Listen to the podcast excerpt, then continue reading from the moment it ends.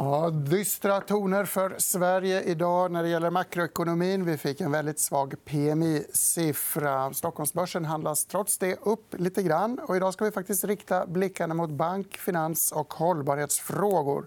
Det är Q4 idag. Det är den 1 oktober och du tittar på EFN Börslunch.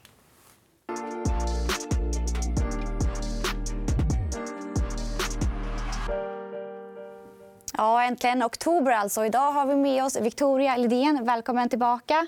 Vi har med oss Jakob König, första gången i studion. Men framför allt så har vi Mats Kinnvall här.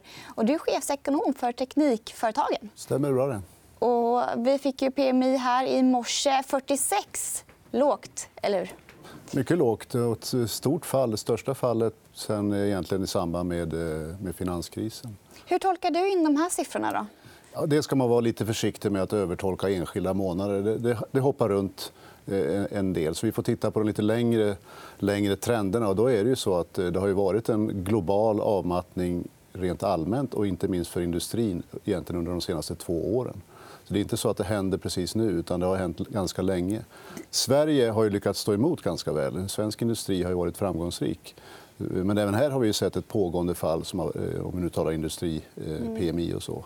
så att, eh, men vi ska inte vara förvånade. Det som händer i världen det händer också i Sverige förr eller senare. Så att säga. Så jag, på så vis är jag inte så förvånad. Och vi får ta lite nypa salt med den här senaste noteringen. Vi får, vi får avvakta ett tag och se om det här är en fortsättning, eller om det blir en fortsättning på det här. Ganska väntat alltså, mot bakgrund av vad vi sett i Tyskland ett tag.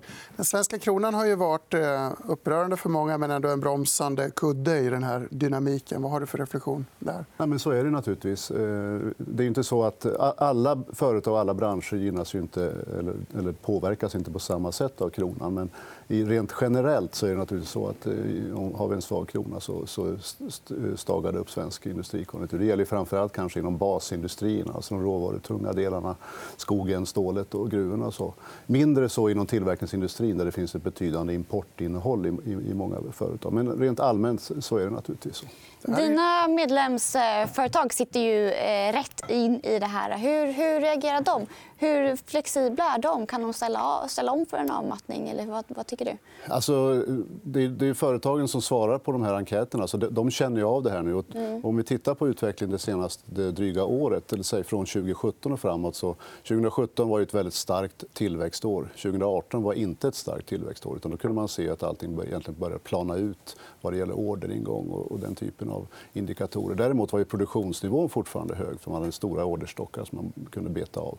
Under loppet av 2019 så har ju de stora branscherna känt av tydligt att orderingången faller och man har börjat eh, ställa in sig på att det blir, eh, att det blir eh, sämre tider. Så är det naturligtvis. Men fortfarande är det så att de flest, många företag åtminstone, ska vi säga, de känner fortfarande att de, har, de kan producera på. Mm. Kolla in den här grafen. Inköpschefen har alltså inte varit dystrare sen 2012 men fallet i en siffra har inte varit kraftigare sen 2008. Kommer Riksbanken att höja räntan i år? Alltså, det eh, beror eh, på om Riksbanken följer grundkursen i, eh, i läroboken för en centralbank eller inte. Gör man det och ser att konjunkturen bromsar inflationen kommer med stor sannolikhet att falla, arbetsmarknaden mjukas upp då är det inte så många centralbanker som tycker att man ska höja räntan. Just nu är det ingen annan än Riksbanken och Norges bank. Då, men de har en annan miljö.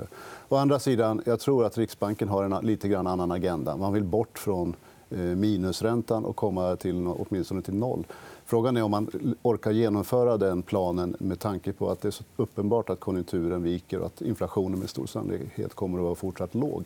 Jätteintressant. Tack för att du kom hit, Mats Kinnvall, och delade med dig av dina reflektioner kring dagens chocksiffra. Ja, nu vänder vi blad, Matilda. Eller hur? Ja, det gör vi. Medan eh, Mats Kinnvall lämnar oss så ska vi titta på en, en annan rätt så dyster graf, i alla fall för några av bankerna. Eh, vi ska prata om bankerna. och... Eh, det ser ju dystert ut. Och om man letar efter avkastning i bankerna är det viktigt att titta på hållbarhetsarbetet. Då, Victoria?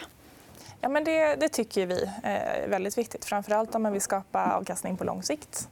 Eh, hållbarhetsanalys har kanske lite längre tidshorisont. Man tittar inte på utdelningen nästa år utan kanske om 5, 10, 15 år. klarar av bolaget av att dela ut. Då. Och sen så tittar vi också på lite andra faktorer som marknaden traditionellt sett kanske inte har värderat men som vi nu ser att man börjar bestraffa ohållbara bolag och att det här kommer in också i värderingen. Så att, ur det perspektivet, ett långsiktigt perspektiv, absolut. Håller du med, Jakob? Eh, jo, men absolut. Men jag tror också på kort sikt har vi sett eh, en hel del reaktioner på skandaler som handlar om bristande samhällsansvar eh, som Panama Papers och penningtvättsskandalen i Baltikum eh, som har påverkat aktiekursen rejält. Så att det är klart att det här är, är risker som också slår på kort sikt. Men annars så är det, håller jag med Victoria om att det är är faktorer som, som eh, påverkar på lång sikt och, men också är liksom viktiga för företags överlevnad. Eh, och speciellt för då eh, svenska banker eller nordiska banker som verkar i en miljö där konsumenterna, liksom den, den miljö som de verkar i, tycker att hållbarhetsfrågor är viktiga. Och banker är ju i stor mån konsumentföretag, konsumenttjänster. Och det är klart att då blir de, de blir känsliga för vad folk tycker. Och det ser vi på reaktioner från, från, från bankkunder och sparare och så på, liksom, bland annat när vi gräver fram saker, att, att de reagerar på det och, och påverkar deras beteende. Och så har vi inte minst reaktionen från myndigheter som vi har en maffig graf på. Det kan bli väldigt kännbart när europeiska eller amerikanska myndigheter ställer ut böter. Swedbank har vi inte sett några böter på än, men vi kan ju befara att det blir smärtsamt även där. Vad, vad tänker ni om de här mm. siffrorna? Ja, absolut. Det kan bli Oj. väldigt kännbart eh, med böter. Eh, nu ser man ju fortfarande att det här är böter som är lägre än bankernas resultat före skatt. Men ändå kan bli kostsamt. Eh, sen så tycker jag också att man ska nog inte bara stirra sig blind på höga böter. utan Det är framförallt ett stort kostnadsberg som bankerna måste bestiga nu. Så man måste investera i it, man måste investera i compliance nåt som man kanske har åsidosatt lite grann tidigare. Så att, så själva böterna slår egentligen inte så jättehårt på resultatet men eh, efterarbetet är ja, men på dyrt. lönsamheten, precis. Men framförallt på kostnadssidan tror jag det kommer tynga under en ganska lång tid framöver. Vi såg att Swedbank eh, sänkte sin utdelning eh, för att stärka upp kapitalet. Vi såg mm. att Nordea har investerat närmare 700 miljoner euro i sin regelefterlevnad de senaste tre åren. Eh, så det är eh, väldigt kostsamt eh, att ha de här bristerna i sin verksamhet. Det är jätteintressant. För vi brukar notera att engångsböter, till exempel mm. Ericsson häromdagen, Telia om det var i fjol, det struntar ju börsen i. Men där har du dels en kundrisk som du beskriver. Kunderna kan dra och man har stora strukturella kostnader som mm. dämpar år efter år. Och en annan aspekt är att man får rikta fokus på krishantering och istället för att utveckla bättre produkter och strukturer i mm. banken. Och jag tror också att det undergräver Eh, de anställdas eh, drivkrafter och lojalitet. Alltså, de flesta som jobbar i banken vill också att de vill jobba för ett företag som tar samhällsansvar. Och, det är klart att det påverkar deras känsla för sin arbetsgivare. Vi ska prata om ett område som i alla fall vi i media eh, befarar har drabbat bankerna hårdast på sistone. Och det är penningtvättsskandalerna. Och här ser vi kontroversiella incidenter som bankerna har haft. Och Swedbank är ju faktiskt i toppen här. Mm. Precis. Och det här är ändå en internationell sammanställning. Ja, precis. Det här visar de senaste 12 månaderna antal kontroversiella incidenter. Vi ser att många av de nordiska bankerna eh, också ligger i toppen. här nu. Jag tror man har haft lite av en, av en status, en ESG safe haven, en trygg hamn av att man kanske inte drabbas lika hårt av, eh, av de här typen av eh, brister i sin verksamhet. Men nu börjar det sakta förändras och vi ser att de går mot en normalisering. Eh, och att de också då är vanligt förekommande om man tittar på kontroversiella incidenter. Och... Om man tittar på den här så borde ju Norden vara träskregionen. Så att säga. Mm. Sen finns det positiva aspekter också. såklart. Vi ser att många av de nordiska bankerna nu har gått ihop. Man ska samarbeta. Man har skapat ett joint venture som heter Nordic KYC. Så att man ska samarbeta och utbyta information kring KYC-processer och så vidare. Så det finns positiva sidor i det också eh, som jag tror man kan bli en konkurrensfördel eh, framgent. Men Jakob, är penningtvätt det som är farligast för bankerna? Ja, det är en, av, en, av, en väldigt viktig fråga. Men, men det som eh, karaktäriserar finansaktörer som banker eh, är ju att de är exponerade för alla typer av hållbarhetsrisker genom sina affärsmodeller som innebär att man investerar och lånar ut till alla världens branscher och ofta runt hela världen.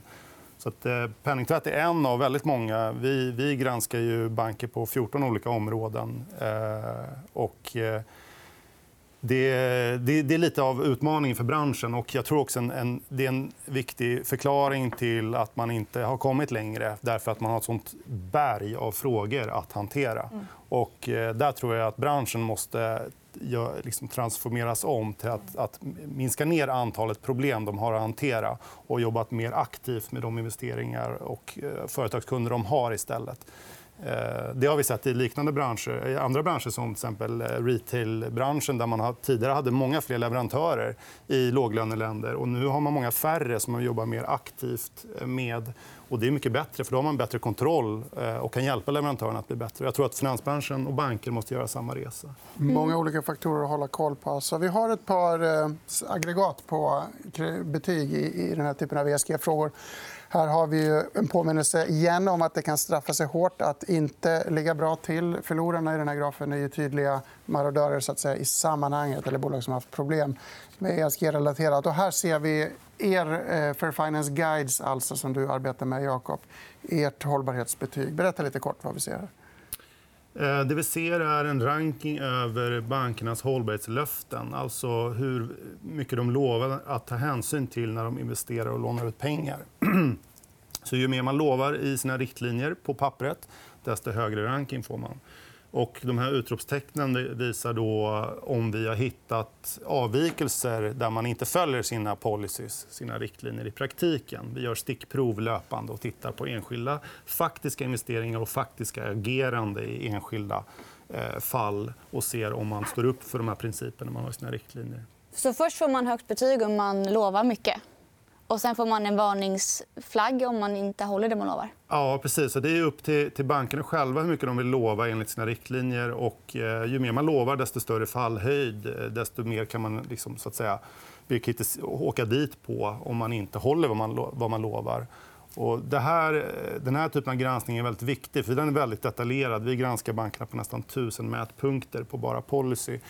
Och skillnaden mot tidigare krav har varit att, att bankerna och pensionsfonder och andra institutionella investerare har haft ganska generella hållbarhetskrav. Och då är det inte tydligt varken för omvärlden, för kunderna och spararna men inte heller för de anställda i, i bankerna hur som ska sitta i investeringsprocessen. Och vad innebär det att ta hänsyn till mänskliga rättigheter?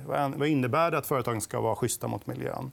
Victoria, I den här grafen så fanns en liten graf som visade på gradvisa förbättringar. Håller du med om den allmänna bilden att det ändå blir bättre även om man kan ifrågasätta och gräva djupare, som, som Jakob gör? Eh, ja, jag har inte superkoll på, på just den rankingen. Men, Vi kan gå vidare till din graf. Vi ser ändå på en positiv utveckling samma riktning i, i allmänhet. Precis. Ja, men man tittar på, på massor med olika ratings och bedömningar och granskningar. Och det här är en som kommer från Sustainalytics som visar ESG-utvecklingen för de nordiska bankerna. Efter finanskrisen så har vi sett att de har haft en ganska positiv trend. och Det var lite det jag var inne på tidigare. Mm. Att de har ansetts ha ett bra hållbarhetsarbete, mycket för att de rapporterar väldigt bra, som Jakob är inne på här, att de har liksom de här policies på plats och så vidare. Men nu tror jag att man ser en normalisering. Att det här börjar man, man börjar ställa mer frågor till bankerna.